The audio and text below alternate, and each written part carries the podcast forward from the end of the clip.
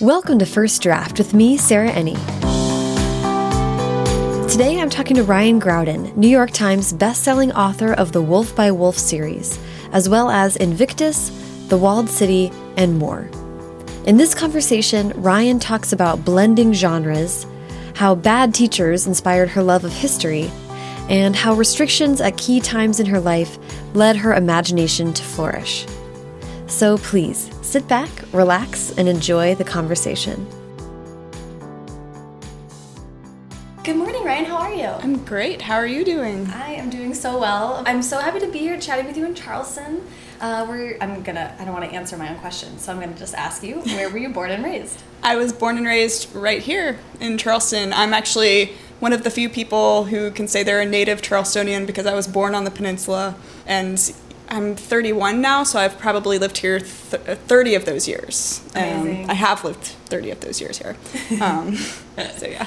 And I want to know, I'm going to get to like some of the traveling and stuff like that, but for you as a young person, how was reading and writing a part of your life? So when I was about, I think, seven years old, um, my the worst for, for at the time it was like the worst thing that could possibly happen happened and my parents television broke and they didn't replace it so they we spent about two or three years um, with no television and my mom was really good about taking us to the library every week and we would exchange books and like pick out what we wanted for the next week and instead of watching tv in the evenings i would read in bed and so mm-hmm. i had several years where i was just inhaling stories as fast as i could I think, and my mom was really good also about kind of pushing me out of my reading comfort zone. So, you know, of course, I loved Nancy Drew and all of the mysteries. But one day she brought home, I think it was The Bellmaker by uh, Brian Jacques, which was part of his Redwall series. And I was like, I don't know, this looks kind of weird. There's mice and boats, and it looks kind of fantastical. And she was like, just give it a try, just read it. And so I opened it up, and kind of, that was the beginning of the end for me when, it came to that because I uh, just obsessed over Redwall and this fantastical world that Brian Jacques had built with all of the animals and uh, like their quests and their wars. And uh, I even like went outside and played and pretended that I was like a hare from Salamandastron. And so, yeah, that's when I started writing fan fiction. And then that kind of just bloomed into like a natural course of writing. Was that the beginning of fantasy stories for you, or was it just the one that sort of kicked you into? I read a lot of um, other fantasies, you know, like C.S. Lewis's uh, Chronicles of Narnia and Lloyd Alexander, uh, mm. Chronicles of Prydain, and yeah, I was I loved fantasy, but for some reason, I think maybe Redwall was like the gateway drug to some of the the you know. Uh, more complex fantasies with human characters in them. yeah, yeah, yeah. And when you are talking about writing, I love that. I read an interview where you said that you and your brothers would stage oh, yeah. the the fights. Yes, I always made them be uh, voles, which were like the lamest animals in the Redwall universe, and they have always resented me for it. were you the oldest? Yes. Okay. Well, see, that's Naturally. Your, that's your due. That's your due as yes. the oldest. Um, that's so funny. Um, what What were the early writings like? Um, so yeah, I joined, uh, you know, continuing on the Redwall obsession. I was a part of an online community, and this was like way back, you know, when there was dial-up, and it was like before AIM even. It was like messaging boards, and um, like you could get points for writing and posting fan fiction, like that would go towards your like character and stuff. So I wrote a lot of fan fiction for that, but another novel that I read that I just absolutely adored and inhaled was Ella Enchanted by Gail Carson Levine and I was probably like 12 or 13 at the time. And I remember finishing it and immediately going to the library to try to find the sequel.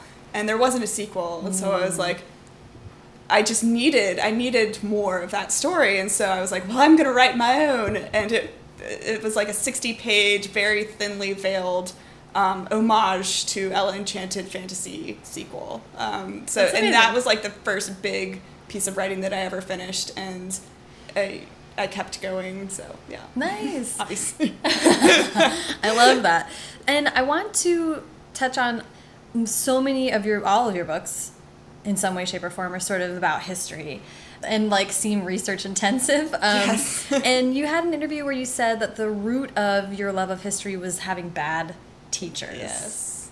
I had you can talk to yeah, me about you want me to dish dish? Okay. Yeah. Yeah. So I was um, during middle school. I was actually homeschooled, um, and a lot of people think with homeschooling that your mom is teaching you everything. Um, that's not the case. Your my mom just gave me lots of books and was like, read this and teach yourself. And so I I learned very early on how to read critically and um, to f- research on my own and find out information on my own, um, which was an invaluable skill. And I didn't really appreciate it until I got to high school. I went to a magnet arts school, and I was a creative writing major. It was really awesome. It was great. Um, but I had a slew of really terrible history teachers. Um, and the foremost example of this was my honors U.S. history teacher, um, the the very first day of class, she was like, "I think war is icky, and so we're just going to skip all of the wars." Which, in honors U.S. history, is most of the curriculum. So she was like, "No Revolutionary War, no Civil War, World War One, World War Two, no Vietnam, whatever." Um, This is an honors class. Yes, it was an honors class, and so she we spent most of the year focusing on um, the Jazz Age and the Roaring Twenties, and uh, she made us for extra credit. She made us like dress dress up as flappers and like reenact a bar in in the gym. yeah, and then um, she was also obsessed with Daniel Day Lewis, and so we just watched for lessons we would like watch the last of the mohicans and gangs of new york. But because she hated blood and she hated war she would just kind of like watch it through her fingers like the violent scenes. Yeah. It didn't quite make sense. So anyways i was really frustrated because i wanted to learn about the wars. And so that kind of set off uh, a need for me to go and read independently and you know follow those interests on my own time. Yeah. and the, the word icky. icky yeah. She did. She used it. I I mean, I'm so happy that it spurred you into researching on your own, but wowza. Yeah, I always think about the other students in the class, um, especially you know when you think about like how important history is and knowing like contextually like when with current events and figuring out okay like humanity's pretty cyclical like things that have happened before will probably happen again. So it's good to know like I have a saying I say like history is like a mirror and a roadmap. And you know you can see humanity's reflection in it and also see the roads that it can take like our future can take. And so I'm always I always think a lot about like the student other students in the class. And I'm like she did such a disservice to all of us by Yeah. avoiding like those dark chapters of history. And so yeah Not great. not great um, but I think you know also it's such a great thing and this is just a general statement but like I love books like yours that incorporate history and in like interesting ways that can make people be like well what, what did really happen you know like it Mm-hmm. Yeah. like opens the to door spark that interest yeah. totally okay so you said that you were a creative writing major in high school yes did you you had to declare and do all that stuff Yeah, so the way the school worked is like you had to apply and you would um, audition for the talent that you were interested in, and I was very much on the writing side of things. And I actually came in a little bit late. I was a junior um, when I entered the school and had to like submit a writing portfolio and all of these things. But uh, they make you do at that school they make you do a senior thesis, and so whatever your major is, whatever you've declared, you take classes in it every single year. Um, it's like your core class. You take one every day. And then at the end, they make you do this like capstone project. And so mine was like a 250 page fantasy novel that I had to like publish through Create Space on Amazon when I was finished. oh my gosh And don't look it up because it's still there, but don't. uh, that's really cool though that's like a sh- that's like taking it seriously yes. So, did you have enough to make a portfolio when you showed up? Had you been writing? Yeah, I'd been writing like short stories, and then I didn't include my fan fiction, fortunately, because um, you know that. But I had like some poetry and yeah, all sorts of stuff. That's awesome. Yeah. So it seems like from an early age you were sort of not only writing but taking it pretty seriously. Yes. That's exciting. And what was the 250 page fantasy? I mean, like that's great. Also, that they made you like finish something. Yes. The the requirement for the class was like you have to have 100 pages of something, but I mm-hmm. was so self-driven that I was like I want to finish this giant vision for this giant project that I have in my head and I've never been one to like back down from challenges, probably to my own detriment because I'm like I just this plot is too complicated or like why why God why did I decide to write this from six different point of views and like braid it all yeah. Um, so anyways, apparently that was a natural tendency because 17 year old me was like I have to finish this like I have to write 150 extra pages like above and beyond the class requirements. Yeah. The class requirements. While doing everything else yes. that comes along with high school. Yes. um, so it was definitely an homage to my love of like Lord of the Rings and the high fantasy worlds. And, uh, nice. so then, what? Um, so how did you decide how to pursue that going forward in college? So I had kind of a, you know, I think every freshman who enters college has this moment of, oh my gosh, what do I want to do with my life? Is everything up until now a big mistake? is everything going forward a big mistake? I don't know. Um, mm-hmm. So I went in, and my parents have always been incredibly supportive of me and my vision because I always knew, even from when I was a little kid, that I, being an author was my dream job, and that's mm-hmm. what I wanted. But yeah, when you get, I went to col- the College of Charleston, and it's a really, really awesome school. It's a liberal arts college, and so you go in, and you don't have to declare your major right away. You can, you know, take a bunch of classes and explore like what you're interested in and so I was I went in and I was kind of waffling. I was like, well, I could be an English major or I could do something practical like communications, mm-hmm. which I mm-hmm. thought communications was practical at the time. um, and my my parents were like, well, whatever you want to do, like you know, we'll, we're we're we'll support you. We'll pay your tuition, which was really really generous of them.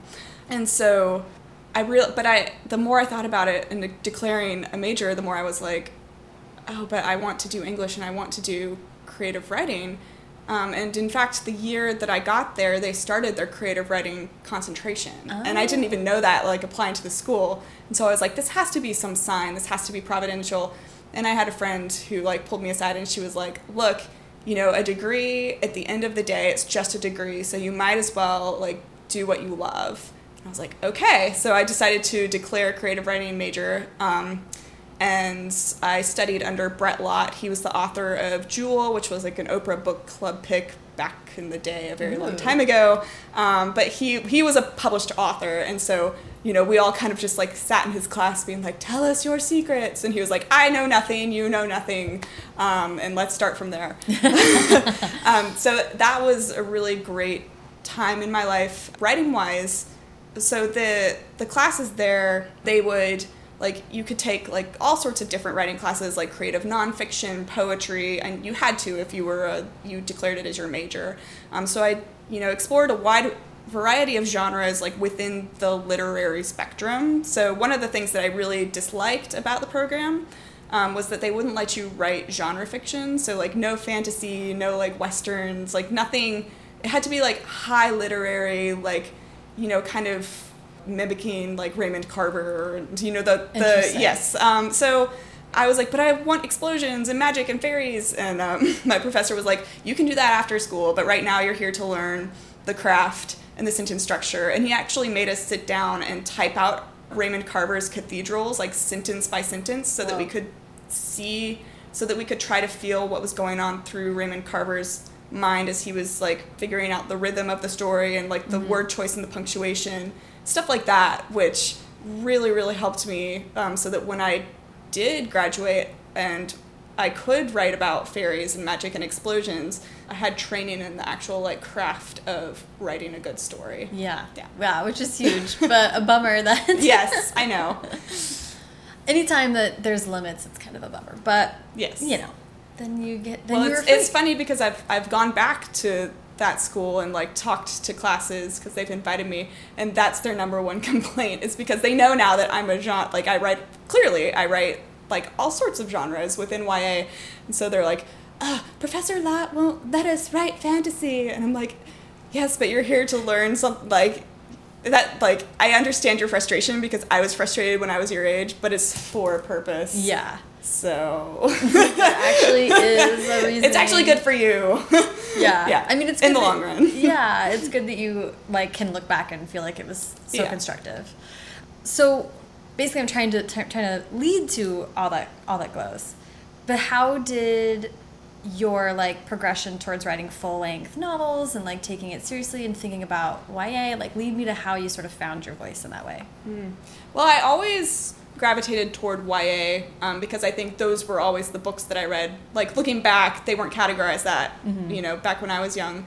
But I always loved the fantasy and like the coming of age stories and like discovering worlds full of magic and stuff like that. And so you know, after I went through that dry spell in college of just writing like literary fiction about sad white men and their sad white lives, um, then I immediately, like, once I graduated, I was just so hungry and ravenous to be writing stories that I loved again. Yeah. And so, even before actually I graduated, my professor you know, I told him I was like, I want to be published. I want this to be a career, and he was like, then you need to he basically like lit a fire under me say, saying like you need to like set aside time every day and you need to make this a priority now like mm-hmm. before you're out in the world because if you want this to happen you know it doesn't it doesn't just happen like you have to work for it and you have to make it a part of your lifestyle um, so every day before uh, class i would get up and i would write you know however many pages and then by the time i graduated i had a really really terrible 500 page fantasy novel that I started querying with. And so that's when I was first really seriously kind of like looking for agents.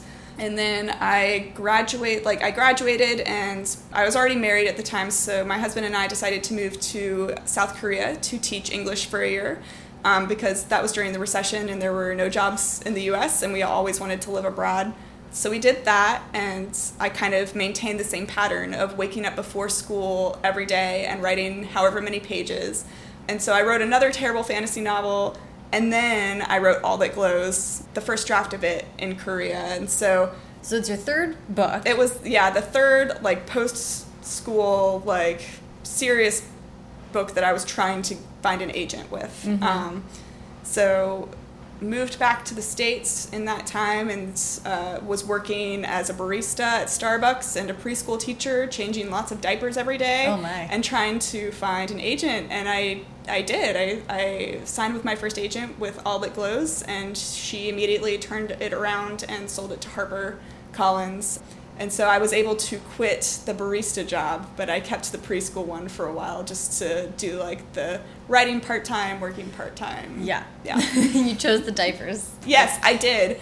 I, because actually, toddlers are so much more fun than like caffeine deprived adults. That's real. That's very real. It can feel like changing diapers, I would imagine, dealing with uh, some of that. So I want to focus on your later stuff and Invictus and what's coming up. So I'm not going to ask too much about all that glows and all that burns. That's fine. But I, but I did. I to me the what I do want to ask about is that it's like seems like a fairy world mixed with like a fairy tale. Mm -hmm. Like the British royalty, it just like in light of the two recent weddings that we've had, yes. like and, and everybody going like bonkers yeah. for, for, royal stuff. I was like, oh, that is like such an interesting pairing that does make a lot of sense when mm -hmm. you think mm-hmm. about it. I mean, it was that. How did you think about those two worlds colliding, and what was it like to be in that kind of fantasy space? It's like one foot in the real world. Yeah.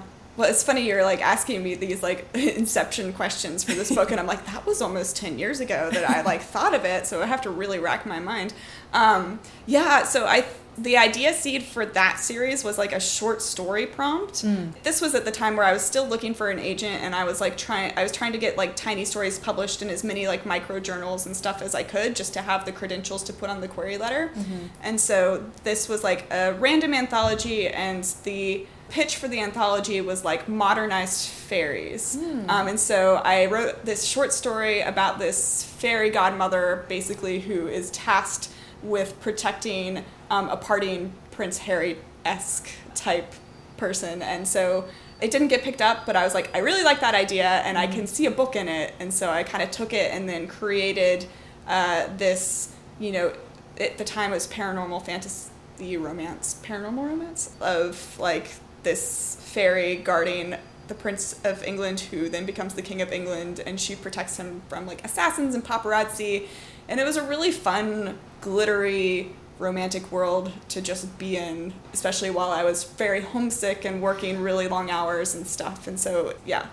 yeah, because I was gonna say it's like tonally. It's totally different from all of my other books. and it was my debut too, so people were like, we don't really know what what to do with this, especially when the Walled City came out that same year. Right. And so they're like, what? It's like pink glitter fairies, and then like death and knives and like street children and trafficking. Like do not mix together. I was like i know.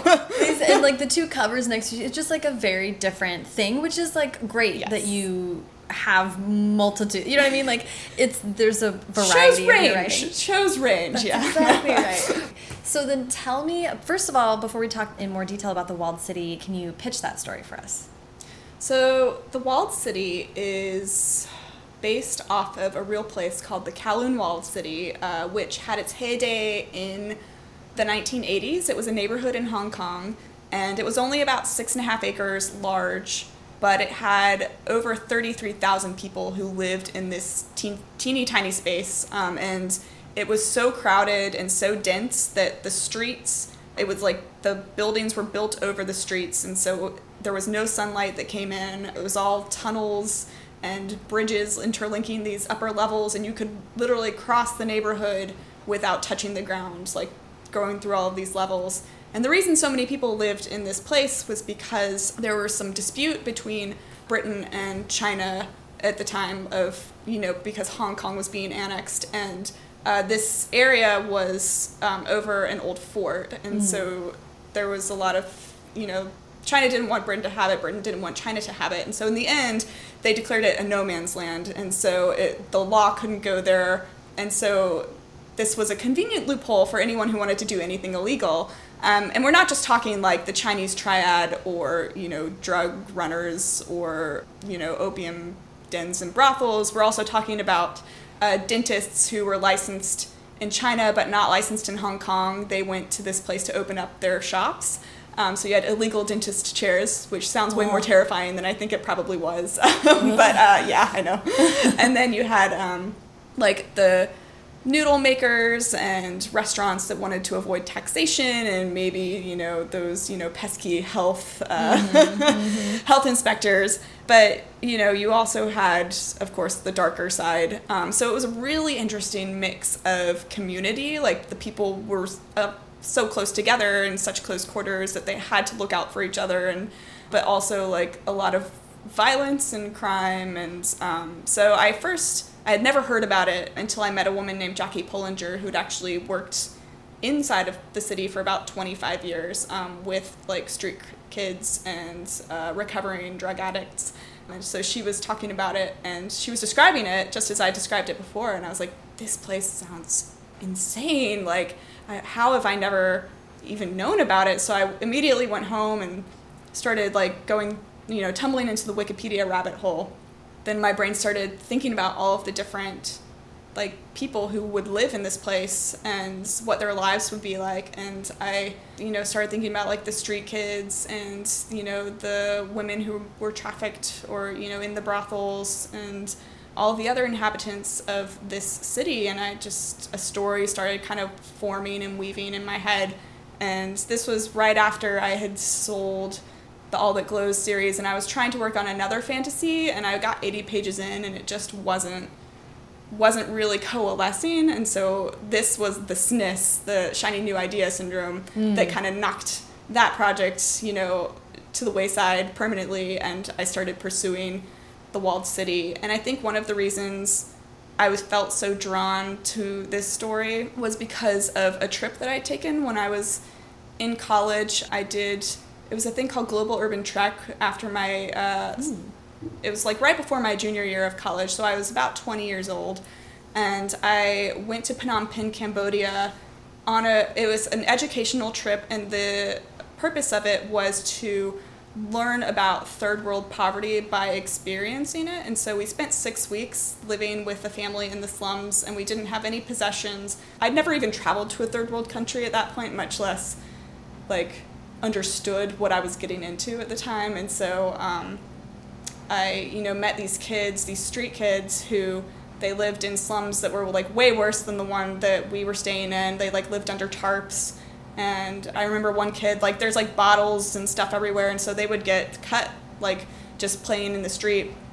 And this one kid, we did have a first aid kit, so Um, this one kid got wounded, and he came up, and we like washed out his cut, and you know we took a band-aid out and like bandaged him up, and I could see the moment that he saw the band-aid, and his eyes kind of lit up, and that's when I realized he'd never seen a band-aid before in his life, and so he ran off to all of his friends and was like showing them the, them the band-aid, and then they got so they were so excited slash jealous of it that they started picking their scabs to get us to give them band-aids. So like that was the level of like intensity and heartbreak that i like was facing as a 20 year old in this you know new environment. And so i came back from that trip and i was super angry and i had lots of emotions because i knew that like i couldn't help those kids the way i wanted to help them because of the nature of poverty and like and so I had all of these like big ideations and revelations that I was wrestling with, and I didn't know what to do with them. Um, and so when I first heard about the walled city, that was five years later. And when I sat down to write, it was all of these emotions and all of these subjects that I had been wrestling with that started coming out onto the page. And the, the walled city was basically like me working out my emotions of what I had faced with these street kids. And so Jin, uh, Jin Ling is a character. It's her. She's a street kid and has a lot of those same experiences. So Yeah. yeah, Holy shit. yeah. That's wild. W- was it the first time that you'd had that kind of feeling while writing a book, or do you think you've always been mining Hmm. big feels?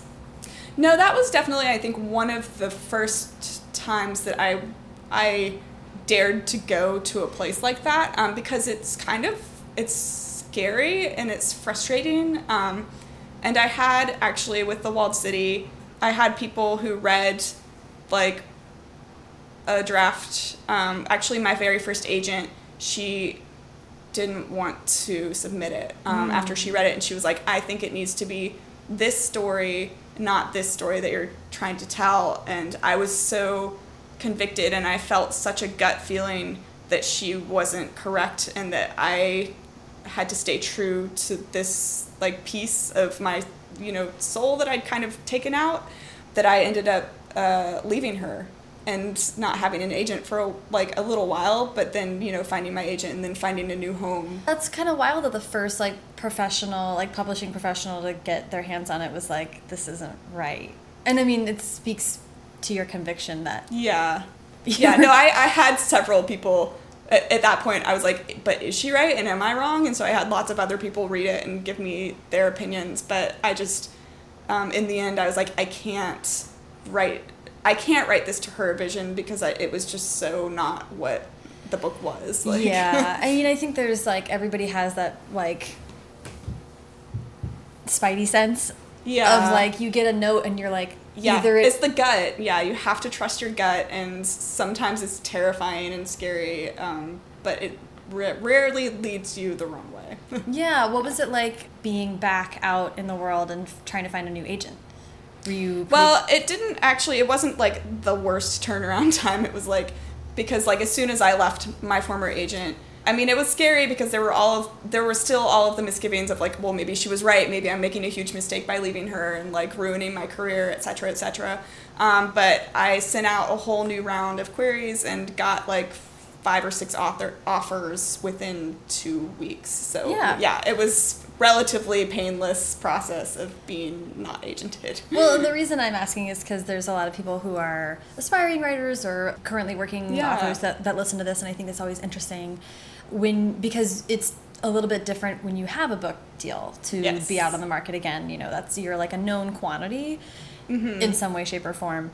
But you really were turning over a new leaf and sort of going in a different direction. Mm-hmm. yeah for your career. and i think too like um, like my first agent was great and she sold my first series but the more i started working with her the more i realized that in the long term like we weren't a good fit for each other um, because she had one vision of what my career would be and i had a completely different one. And so that break needed to happen and i'm glad that it happened sooner rather than later um, because the wrong agent is you know you hear this all the time it's like the wrong agent is worse than no agent at all which is kind of true Yeah, yeah, it's true. Yeah. And that, yeah, that vision, especially if you're like, you know, you, we all grow and change, and your vision Yeah. for a career can change. So it's important to respect that.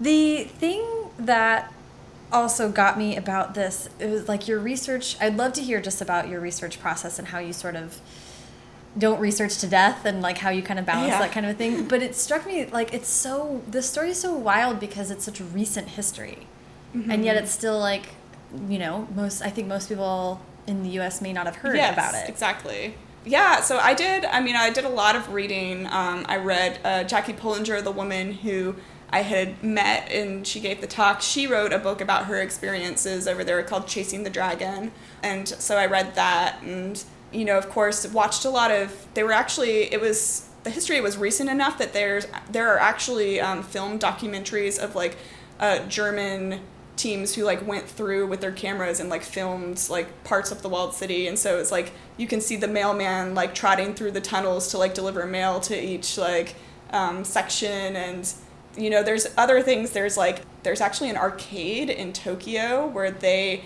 replicated they like replicated it down to the detail of like graffiti like matching graffiti and putting it on the walls. And so you can go i've never been but you can go visit it and like walk through a replica like a smaller scale replica. And then there are several films that were filmed there before it was torn down.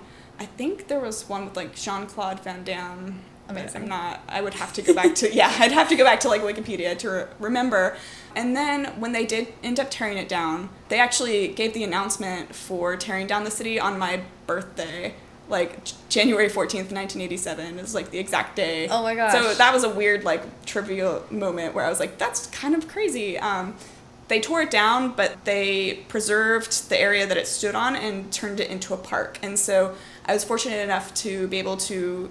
I took a trip to Hong Kong, and that was like one of the first places I wanted to go was to see this park. And they have a museum there, and a lot of gardens, and like pieces of the old fort. So like some of the cannons are still there. Um, but I, as I walked around, I was I was really struck by how tiny it was. I was like, there, like I still can't understand how so many people fit into this teeny weeny space and Yeah. coexisted for so long. Yeah, it's Yeah. so wild. So, I mean, you are pretty extensive in researching. But what do you, how do you try to balance that work with the actual art of writing? It can it can turn into the very most self righteous form of pro- procrastination. Yes. If, if you like. I'm working, I'm not working, but I am working, working for my work. Mm-hmm. Um, yes. Uh, so with the walled city, a lot of my research also came in the form of revision. So I had a lot of like cultural reads and people who had grown up near the city while it was, you know, in existence would um, come back with like certain details and corrections and various things like that. And so I went through several several rounds of that kind of research. Like I guess it's it's research, but it's not quite what you would envision.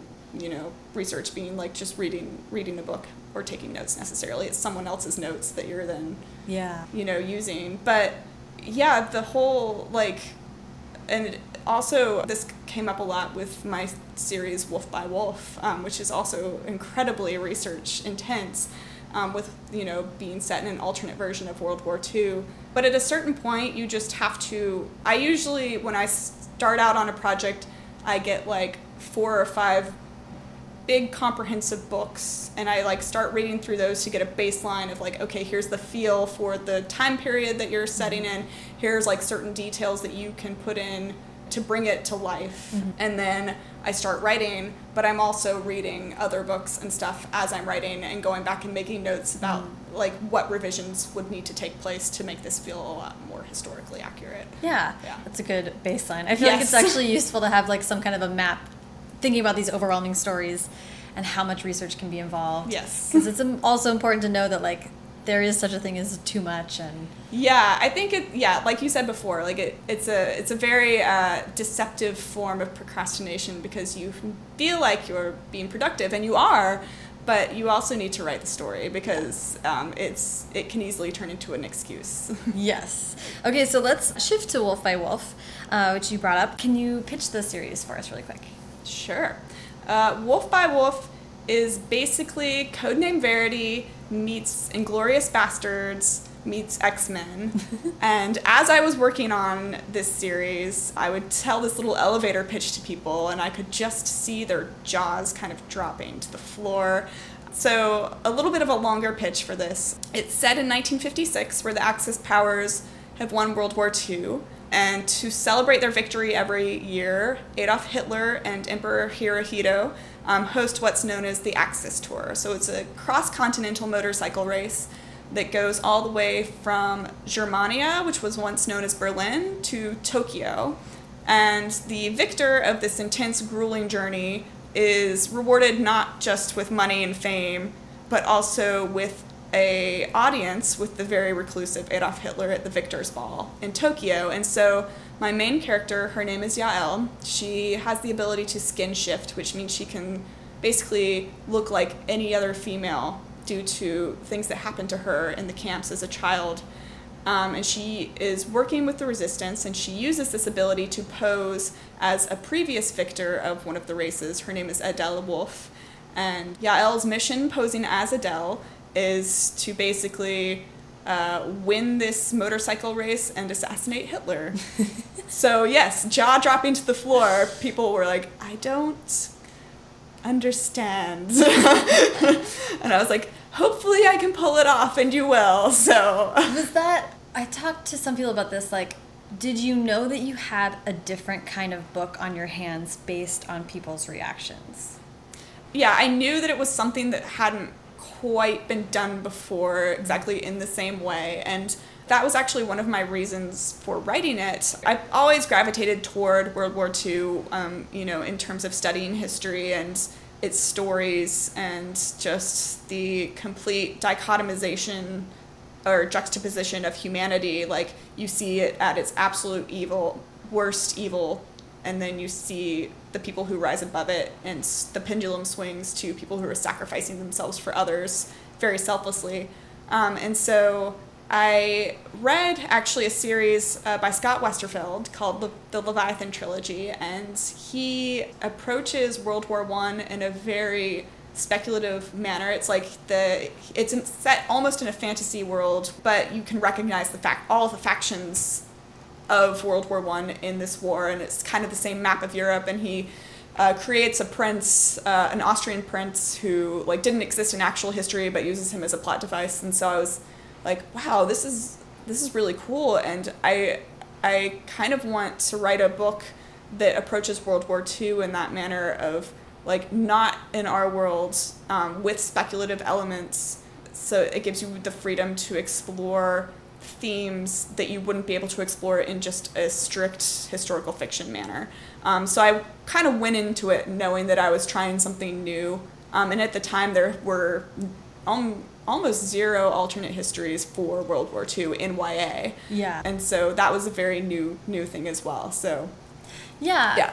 and I mean, uh, I, I now I'm, I'm going to space on who it was that that gave this advice, but they were sort of uh, another YA writer was saying like, you know, one good way to decide what you should write next is to pitch a few ideas to someone and like see which they like really light Yeah. up. So the fact that you were having this sort of reaction. Yeah. Is well, like my my way is, um, or what I usually tend to do is like the idea I'm most terrified of tackling is the one that I go for because I find that fear often leads to on the other side if you conquer it and you do the work well enough it leads to something that really really resonates with readers Yeah. because there's a reason that you're scared of it yeah, that's a good that's a good barometer. So, i read an interview where you said also that Wolf by Wolf it was the second book of a two book deal. yes it's a duology but you had but it, yeah the walled city it sold and then yeah wolf by wolf was in that so, yeah. yeah. And then so that means you had to write most of it after selling it and hence learn to outline. Yes. We're still learning, to be honest. Um, yeah, so I had uh, written All That Burns, which was the sequel to All That Glows. So I had had previous experience of like writing a book completely from scratch under contract. So with like the deadlines and, you know, all of those working pieces that you don't quite experience before being published. But yeah, Wolf by Wolf. I sold it to Little Brown as a 50 page partial and a, uh synopsis for the series, the duology. And they wanted at the time they wanted the walled city so badly that they were like, yes, yes, anything you anything you want. Um, and so I, I I'm always very curious um, whether or not uh, they would have bought it if it had just been pitched alone. Right. Um, but it all worked out in the end. So yeah, I had to. Um, I basically just wrote this book with you know a ticking clock time. So that was a new experience, and I did with the, like the motorcycle race gave it kind of a natural structure to follow of being like they have to be you know here at this point in the book and then they have to be at this city at this point in the book. So it kind of had a built-in you know outline that i had to follow. But yeah i couldn't just like the books before that i was way more organic and pan- a pantser just being like, oh, wherever the wind takes me. But yeah, I had to really tighten up my process for Wolf by Wolf. Well, and you're saying that the motorcycle race gives it structure, which it is true, but in some ways it's like not only did you go to outlining, but like that's a challenging outline. Like a, a race yes. is like a whole. Yeah. Really challenging. And part of the research, too, actually, for this book is my husband found out or you know i was telling him what i was working on and i had never ridden a motorcycle before. And so he's like we're going to go on a surprise date. And so we got in the car and we start driving on a saturday and he's like make sure you bring closed-toed shoes and pants. And i was like okay i don't know where this is leading.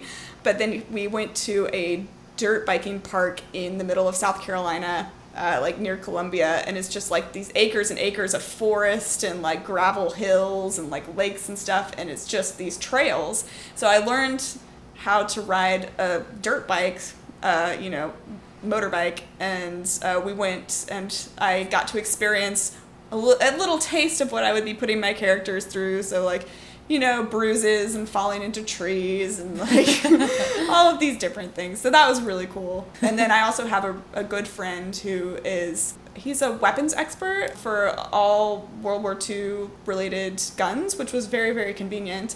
Um, so he like took me out to a range and he showed me all of the different. He's like, okay, here are all of the pistols that your protagonist, you know, might be using. You know, shoot shoot all of these and then pick your favorite. And so it was the Walther P38 that she ends up carrying around that I got to choose like choose from that arsenal. So that was really cool. But I love yeah. that your stories are like I just happened to know this World War II weapons yes, historian. it's very fortuitous. I love that. Writing on deadline for the, the, the, like you said, it wasn't your first time, but writing on deadline is really challenging. And then this was like an incredibly ambitious story. Yeah, actually, looking back, I'm like I'm kind of astonished that I pulled that off but yeah. It's really amazing. What what were the like did you have several rounds of edits? Was it down to the wire? How did it go? Mm, with that one because i actually had a little bit of padding because i sold the walled city as like a complete book mm-hmm. and so they were there was like a year and a half between sale to shelf with the walled city and i had already started writing those 50 pages of wolf by wolf and so i had the luxury of like seven or eight months to really like work on a rough draft and then like go back and edit to my own vision so that by the time it reached Alvina's desk, it was pretty like it was pretty fleshed out and I went through maybe three rounds that were not overhauls at all. It was just mm. like very like okay, let's focus on this and hone in on this. So yeah, it was great that it worked out that way. Um, Blood for Blood sequels, man, they're the worst. That's why I've been writing so many standalones lately. It's because I was like, I don't want to do a sequel. It, yeah, like then you know, I you know, you have this pretty, I mean, finished first book, and you start diving into the sequel. While at the same time, you're starting to get feedback from that first book, and people being like, "Oh my god, I hope you do this in book two, and right. like all of these things, and you're like, "I don't want to disappoint anyone," and then and you're like living up to your own standards and like all of these standards that are in your head of what other people think. So yeah, the and Blood for Blood is also incredibly ambitious because at the end of Wolf by Wolf, not to do too many spoilers, but like the world kind of breaks open and so it's like so much bigger in the sequel and I'm tackling like alternate wars and mm-hmm. all sorts of very very very heavy issues and I felt like a lot of it was kind of just writing like as I was drafting, I was like, so much of this is just like writing a philosophy, like mm. these scenes of being like, okay, you know, what's the line between good and evil, and you know, your responsibility and your reactions and your history and all of these different things. It was like so many. So yeah, like tackling that I had to go through a little more intensive revisions with that one with Alvina. I had to go through a little more intensive revisions with Alvina. I mean, Yeah. yeah, sequels, like you said. Yeah. Ugh. Uh, I'm glad you brought that up because I read a couple interviews where you were talking about that maybe you weren't even totally prepared for how dark and challenging it was to be in this world. Yeah, yeah. so and I every every writer who I've talked to who has tackled World War II um, will say, you know, agree with me and say the same thing. Is that um, when you're spending that much mental energy and time, um, because you know, like a reader, you read a book and it's you know maybe like a day or two to a week you're in this world you're experiencing it. But as a writer you are like in it for a year a year and a half. And if it's a ser- this series it was like almost three years where i was in this alternate world where the axis powers had won world war ii and it was I mean, as you can imagine, like so dark, and I had to do all of this research about the New Order and what Hitler's vision for the world was, like after his victory, um, and then kind of taking that further and being like, okay, what what would this look like? Who would be left? What are their lives? And so, yeah, it was just it's just like soul draining basically and so i got to the end of that series and i was like thank god i did not make this a trilogy because i just don't know if i would have had it in me to write a third book because it's just yeah it's grim um, Yeah. Did you? I'm curious if you learned anything about like self care. What were you? What if anything did Yeah. you take away from it Self-care. about like how to? If someone is in the process of doing something like this right now, like what would you tell them? I would say that, you know, and even now I'm learning also the value of uh, stepping away from social media too. And like, because a lot of times when I would take breaks, I would just like go on Twitter and like just scroll through the feeds or scroll through the news feeds. And this was back in like 2014 and everything, like a lot of, you know, it was not as Yeah. terrible.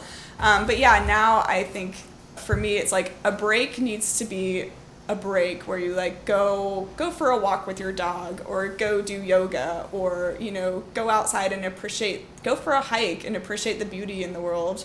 I just got back from a trip on the olympic peninsula and it's just when you put away your phone and you go walk in the woods for a while it's just like it's so good for your soul. So like stuff like that where it's like it's okay to step away for a while and it'll make your work better in the end Yeah. um, because you'll be refreshed when you go back to start like tackling these issues and i think the same stays remains true for like activism and you know all of the very different things that we're facing right now it's just it comes from all sides all the time and it's really really hard to hone your energies on what matters Yeah, got to stay charged. yes however you can.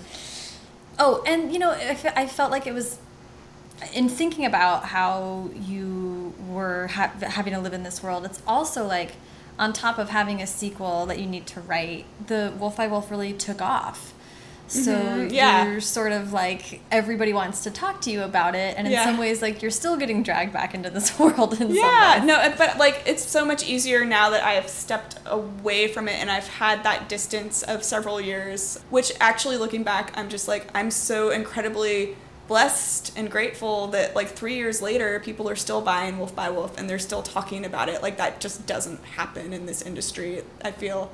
So yeah that goes to the point of like the projects that are the most terrifying resonate the most with people. And so i feel like wolf by wolf has really resonated with a lot of people for various reasons. Um, but yeah like after i finished that series i i was like okay i want to work on something fun. Like not quite the glittery fairy tale of all that glows but like i want to be in a mindscape that i enjoy. Um, so i was like let's write about time traveling thieves. Um, so invictus was my next project. And like to give an example of like kind of the self-indulgent wish fulfillment of that book i was like i love red pandas. I think they're cute and bouncy. I want to put a red panda in this book. So there's like a red panda mascot who lives on the time machine with this crew and there's a girl who like chalks her hair a different color every day and like all sorts of fun stuff like that and so invictus for me was just kind of the like release valve of all of the dark grim landscape that was the wolf by wolf series Yeah, that's I love that. And It's funny to me that you say that that it's like this like re relief, wish fulfillment, like a joyous place to be, and I'm like, but also you gave yourself time travel, which Yes. is so stressful. yes. Like I said, I always challenge myself and I always regret challenging myself, but then I come out on the other side with a piece that I'm like, oh, I'm glad I did that. And so I feel like I'm almost self-sabotaging that in that I'm trying to like up the ante with every book that I do.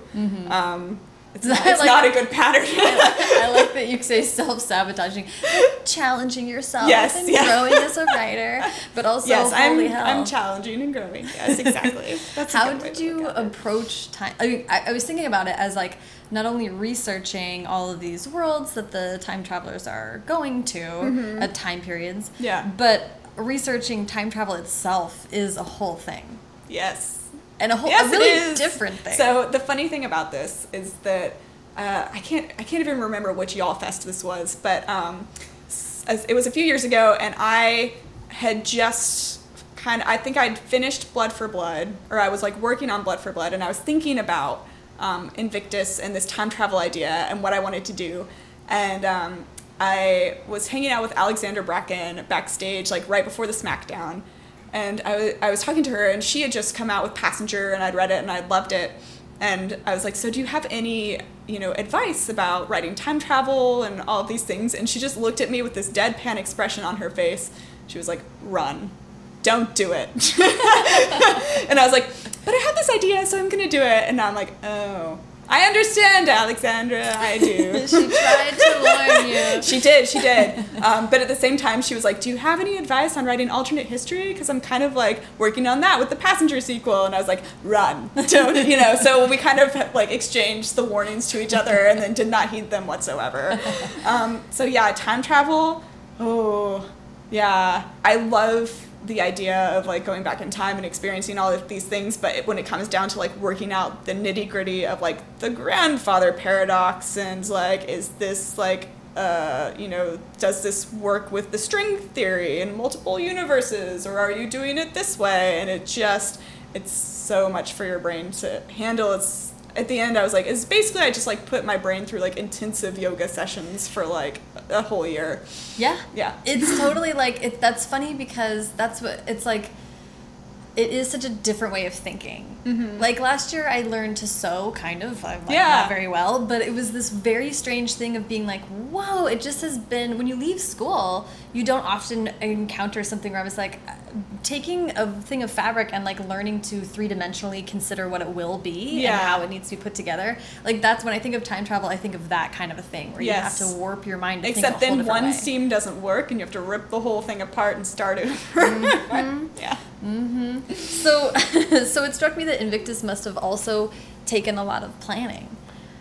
It did. Well, so silly me. I finished the first uh, draft and I thought I turned it in to Pam Gruber, who's my editor for that book, and um, I was like, I have all of this. Like I thought I had all of the time travel figured out in the first draft, and then I get back this like 11 page edit letter, which is like, no, actually, and so it was an intensive like ripping everything apart and trying to figure out like, okay, if I want it to end this way, like how do oh, I can't end this way. I have to change the ending. Like, yeah, all of these, Ugh. yeah, like such a not a complete overhaul, but a really intensive. Like, okay, we're tearing apart this book and trying to figure out ways to make it work because there's a lot of other things other than time travel that are going on too, which of course I. You know, um, so yeah, my my brother actually he's way smarter than I am, um, and I would call him up with this book because because I would spend like 48 hours just trying to solve a problem and going my brain would go in circles and just in back up at the same point um, every time i would try to like figure out a solution. So i would call him and it would take me like 10 to 15 minutes to explain the problem. And there would be like five seconds of silence on the other end of the line. And he'd be like well just do this. And i was like oh it works. Thanks jacob. Which Oh is great. God. i i'm yeah so thanks jacob that book exists because you're smart That's amazing. Oh my god, that's so funny. Like I'm sorry I made you be a Redwall vole. Um, that's that's so funny. uh, what was the actual writing process? Like you did want to shift to do something like happier that made you happy. Was the writing process any easier? It was actually one of the fastest books I've ever written because um, I sold it to I sold it on proposal like a 100 page proposal to Little Brown in like March, and it was basically finished by November, like draft edits, everything. Um, and so I busted my ass Yeah, to get that quick. book in. Yeah, especially for something as complex as that. And so that was hard, but I, I found a really good rhythm, I think, in my day of like sitting down and like, like I said, turning off the internet does wonders and just like four hours, like getting chunks out and finding a good flow. So Yeah. yeah. That, that, this, the Twitter is not your friend when you're writing a book. No, That's for it's sure. not. And I found the relief of putting the on hiatus thing on your name because then there's some like mental pressure that's like, okay, people aren't expecting you to Yeah. be responding and you know all of these things. Yeah, like I warned you. Yes, exactly. I'm not there. Um, okay, I could ask you more questions about this forever, but we have to wrap up in a few minutes. So I want to ask about what's coming next. You have like you're now at this phase where you can sort of think about a career as opposed to like book by book a little bit. Mm-hmm. So how have you been thinking about like what kinds of things you want to do next? yeah it's part of it is just you go through i i kind of went through a phase of like where you don't have a, a lot of ideas and then they all come at once and then you're like i only have enough energy for like one book at a time so i kind of went through a real rough patch last year um, of trying to figure out like what I want to write next versus the whole like business side of um, being like you kind of have to keep producing at a rate and balancing like art and business and your vision for your career and stuff like that. And so I would love one day to tackle World War One, like talking about challenges and stuff like that. So I've been doing a lot of research about that in a spec- speculative manner as well. But that's kind of way down the pipeline. Um, I have a project right now that's a standalone YA, um, and it doesn't have a title yet. I'm working on the edits for it. But my elevator pitch for it is it's basically Lost meets Westworld meets Black Mirror. So it's very sci fi. Um, my nickname for it is uh, Twisty AF book. Uh, that's like my hashtag that I've been using when I like tag pictures of working on it on uh, on uh, Instagram and Twitter. And so it's a it's a very fast paced, twisty, crazy sci-fi. Um, yeah. Love that. awesome. Yeah, and I have other projects that I'm I'm not at liberty to discuss Yeah. at the moment, but yes, um, going in all sorts of different directions. So I think I will probably continue to be like pushing the genre blending boundary and exploring like different yeah categories. Yeah, Lost and Black Mirror is like I'm very sold on that. in a big Yeah. Hopefully, I'll be able to pull it off. yeah. How how did you think about like Wolf by Wolf had a really large readership, has a really large readership. Mm-hmm. How do you think about like the Venn diagram of those fans of that book with more sci-fi elements? Yeah, so I think, you know, I kind of started the transition with Invictus because it's very speculative history with time travel, but also a lot of sci fi because it's sci fi based time travel. And with this book, too, um, I think it will resonate with a lot of Wolf by Wolf fans because it has a, a high competitive element and then also like questioning people's identities and like, you know, various things like that. So And like the fast-paced, I mean like yeah, Wolf the by Wolf was at a clip. yeah, and then the ending where people are like, "Wait, what?" Like, hopefully, I'm not giving too much away, but yeah, like all of those different elements that I, as I was drafting, I was like, "Oh, this this reminds me of the feeling that I had while I was drafting Wolf by Wolf." Oh, that's so, interesting. Yeah, yeah. And you did say on Instagram that this was the most. You showed a picture of like the mm, edit letter Yeah. or the book or Oh. something, all taking over your whole table. Yes. Mm-hmm. This is the longest edit letter I've ever had. It's 12 pages to the 11 that I got for Invictus. So, yes. Yeah. Is it? Is that intimidating, or do you feel like you like the revision stage? I like it at points, but to be honest, like right now, and I'm just like maybe a week or two into this edit, um, it's very overwhelming because there's so many elements that you know, a lot of times it's just a few elements that you're fixing and like polishing and tweaking. Um, but this, it's like I have a skeleton of a story, and now I have to like strip off everything and then rebuild. Like not rebuild from scratch, but like you have to flesh out certain things and make sure all of the bones fit in the right place because it's a twisty book, and so Yeah. you need to make sure that all of the twists and everything align just the way you want them to. Yeah, mysteries or anything Yes, approaching a yes. mystery is so demanding. Yes. Especially like in the revision stage. Yeah, because there's all these breadcrumbs, and you want it to not be too obvious, but uh, yeah. Yeah. um, well, I'm super looking forward to that. Oh, good. So I uh, like I said, we have to wrap up. Even though I could talk to you for two more hours, but I'd like to wrap up with advice. You've given a lot of great advice uh, already, but I'd love to hear advice for aspiring writers and maybe people who are thinking about doing like a genre mashup kind of a project. Yes. Well, first of all, it's for any aspiring writer and those who like want to mash up the genres, um, I think for me, like the biggest asset that I've had in my corner is um, reading widely. Um, so when I lived in South Korea, this was before uh, I didn't have a Kindle, I didn't have access to ebooks, and so there weren't that many English bookstores around. Actually, there were none in my neighborhood, and so really no libraries either. So the only access to books I had, there was this coffee shop that was in the corner near my apartment, and there were a lot of English teachers living in the area.